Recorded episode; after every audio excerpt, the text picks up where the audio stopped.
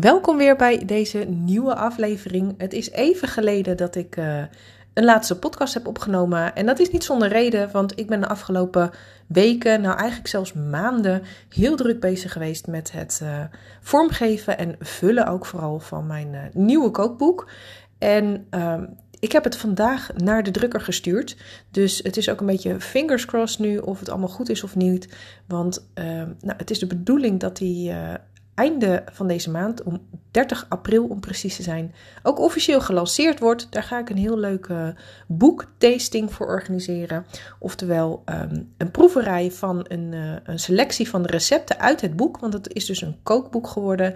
En um, het is een uh, heel bijzonder kookboek, al zeg ik zelf.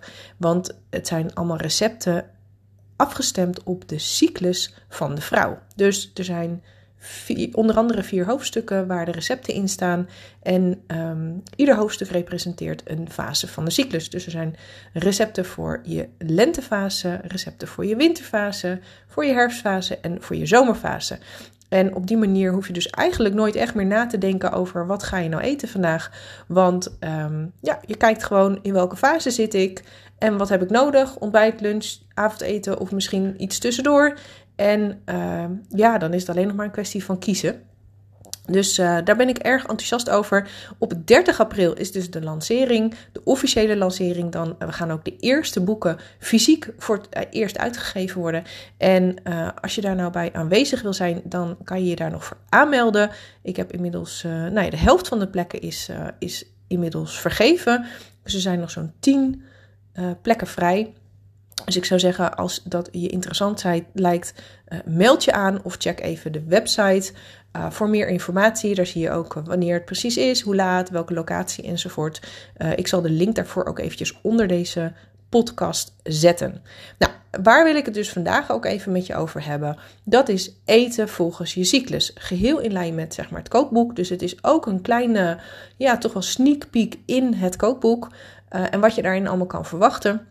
Maar ik ga je vooral ook vertellen van ja, hoe doe je dat nou eigenlijk eten volgens je cyclus?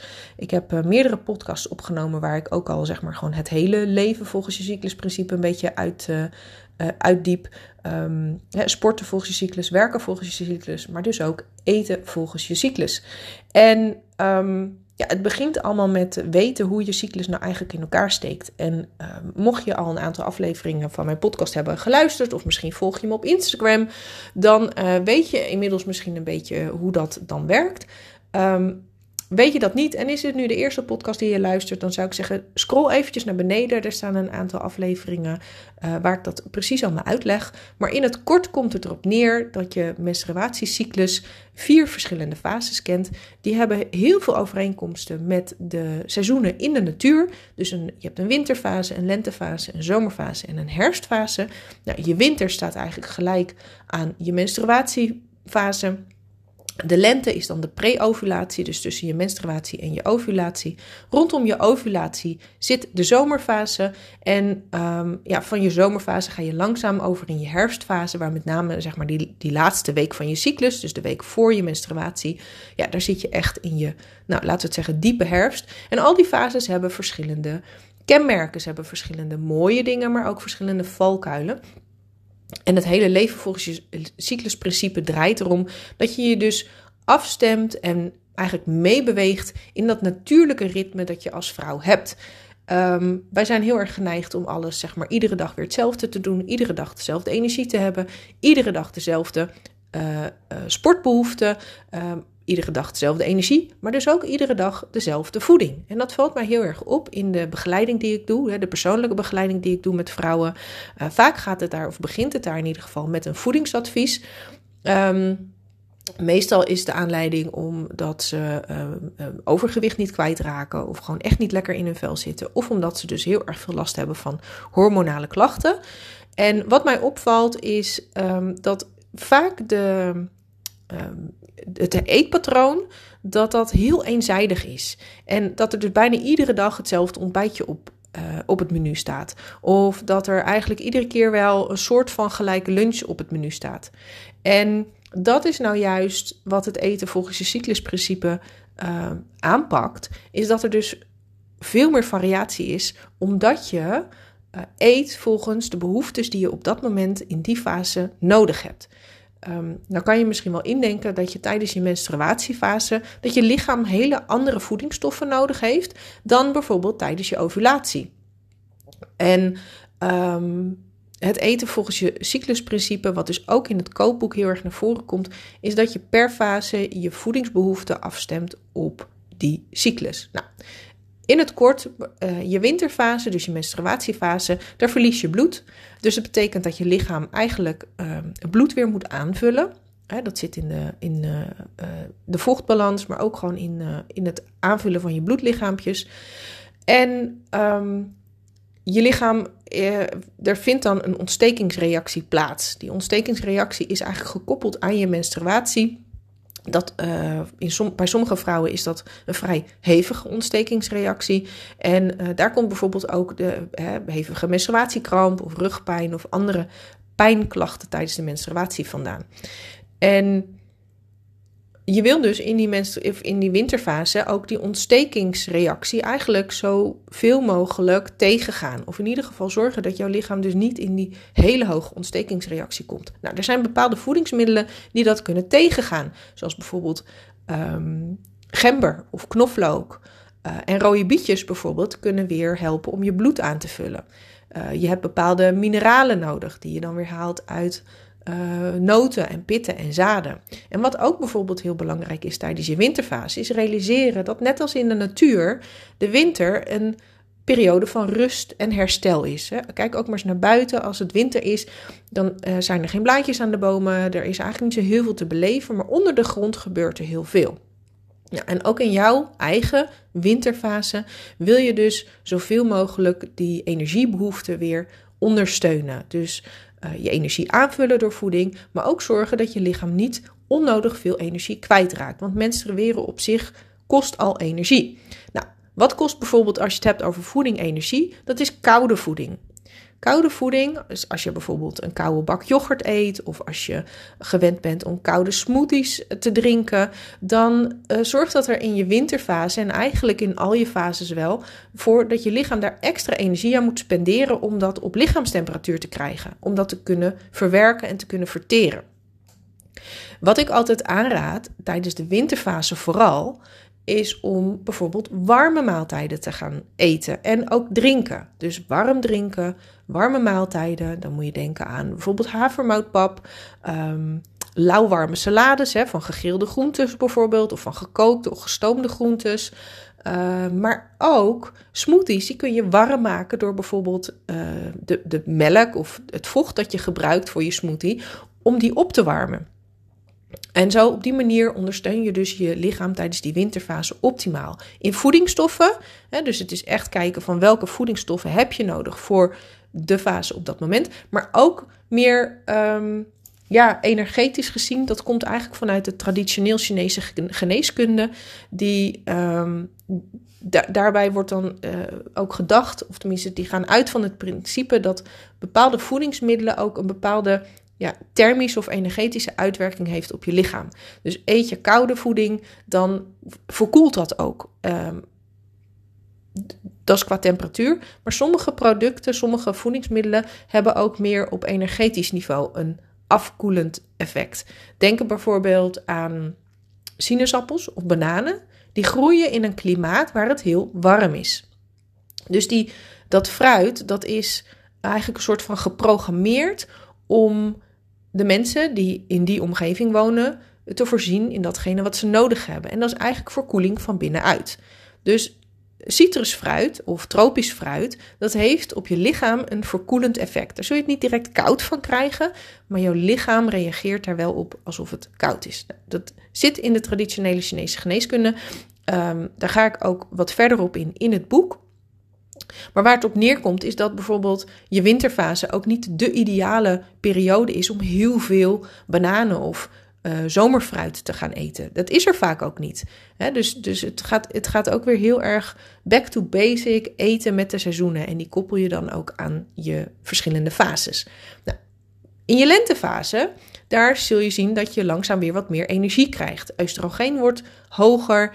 Ehm, dus je krijgt meer energie, je gaat je ook beter voelen, je, voelt, je zit wat lekkerder in je vel, zeggen heel veel vrouwen. En de lentefase is dus ook een periode voor wat lichtere uh, producten. Dus waar je in je winter bijvoorbeeld misschien uh, zin hebt in een, in een lekkere stevige maaltijdsoep of een, of een uh, stoofpot, hè, typische wintergerechten, kan het zijn dat je in je lentefase juist zin hebt in gestoomde groentes of misschien een omeletje met wat groentes of een heldere soep in plaats van echt een hele stevige soep. En um, ook daar zijn weer bepaalde voedingsstoffen belangrijk. je wil dat tijdens die vooral tijdens die lentefase, dat bijvoorbeeld uh, je eicel goed rijpt. Hè, dat er dus uiteindelijk een ovulatie plaatsvindt. Want die ovulatie is ook weer belangrijk voor de tweede helft van je cyclus. En um, het gaat er dus om dat je in die lentefase dan weer voedingsmiddelen binnenkrijgt die heel erg gericht zijn op nou ja, die eicelrijping, het aanvullen van je energie, uh, maar ook alvast het uh, gereed brengen of het ondersteunen van je darmen en je lever, want die vormen straks een belangrijke rol in onder andere het afvoeren van het verbruikte oestrogeen. En doe je dat niet, of lukt dat niet goed, dan uh, ontstaat er op een gegeven moment een oestrogeendominantie. En een oestrogeendominantie die heeft weer vervelende klachten, zoals hele hevige of pijnlijke menstruaties, maar ook stemmingswisselingen zo in je in die herfstfase, hè, zo die periode vlak voor je menstruatie. Dus als je merkt dat je daar bijvoorbeeld hele heftige stemmingswisselingen hebt, um, of dat je hele pijnlijke borsten hebt, dan kan dat komen door een oestrogeendominantie. En dan is het dus juist goed om te zorgen dat je darmen en je lever optimaal functioneren om um, dat oestrogeen ook af te kunnen voeren. Uh, je zomerfase is eigenlijk een hele korte fase. Dat is rondom je ovulatie, dus nou, een dag of twee tot vier. Dat is de periode waarin je het, het hoogst in je energie zit. En de kans is groot dat je op dat moment dat je misschien wat minder behoefte hebt aan eten. Of dat je makkelijker een maaltijd overslaat zonder dat je er echt last van krijgt. Het kan ook zijn, als je gewoon even kijkt hoe je in de natuur je misschien voelt. Hè, dan heb je, als het hoogzomer is, dan heb je behoefte aan wat koelere voedingsmiddelen. Hè, dingen die niet echt heel warm of heel stevig zijn. In de zomer zal je niet zo heel snel een stoofpot gaan eten. Maar wil je misschien een lekkere frisse salade. Hè, en zo zijn er ook lichter verteerbare granen. Er zijn ook lichter verteerbare uh, uh, vleessoorten.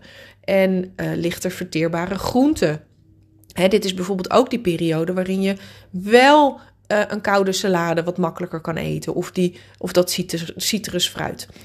Um, na je zomer kom je ja, eigenlijk een beetje in een soort van nazomer. Dus je energie is nog wel goed, maar je merkt dat je langzaam wat meer naar binnen keert qua energie. Je hebt misschien wat minder behoefte aan mensen om je heen. Je hebt wat meer uh, behoefte om gewoon in je eigen bubbel te gaan zitten. En dan merk je dat je herfst langzaam in aantocht is. En je herfstfase is zo'n periode waarin je, nou, dat ken je misschien wel, uh, of herken je misschien wel, dat je op een gegeven moment van die eetbuien krijgt. Dat je echt de hele dag behoefte hebt aan eten, of dat je de hele dag misschien wel aan het eten bent. Um, dat je vooral heel erg behoefte hebt aan chocola, of misschien juist wel heel erg aan uh, vet en, en ja, eiwitrijk eten, hè? een beetje junkfood-achtig.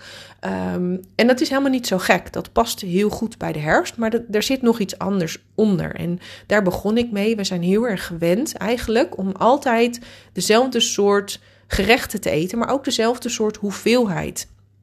En in je herfstfase verandert je metabolisme. Die verandert eigenlijk je hele cyclus uh, onder invloed van je hormonen. En in je herfstfase merk je dat vooral.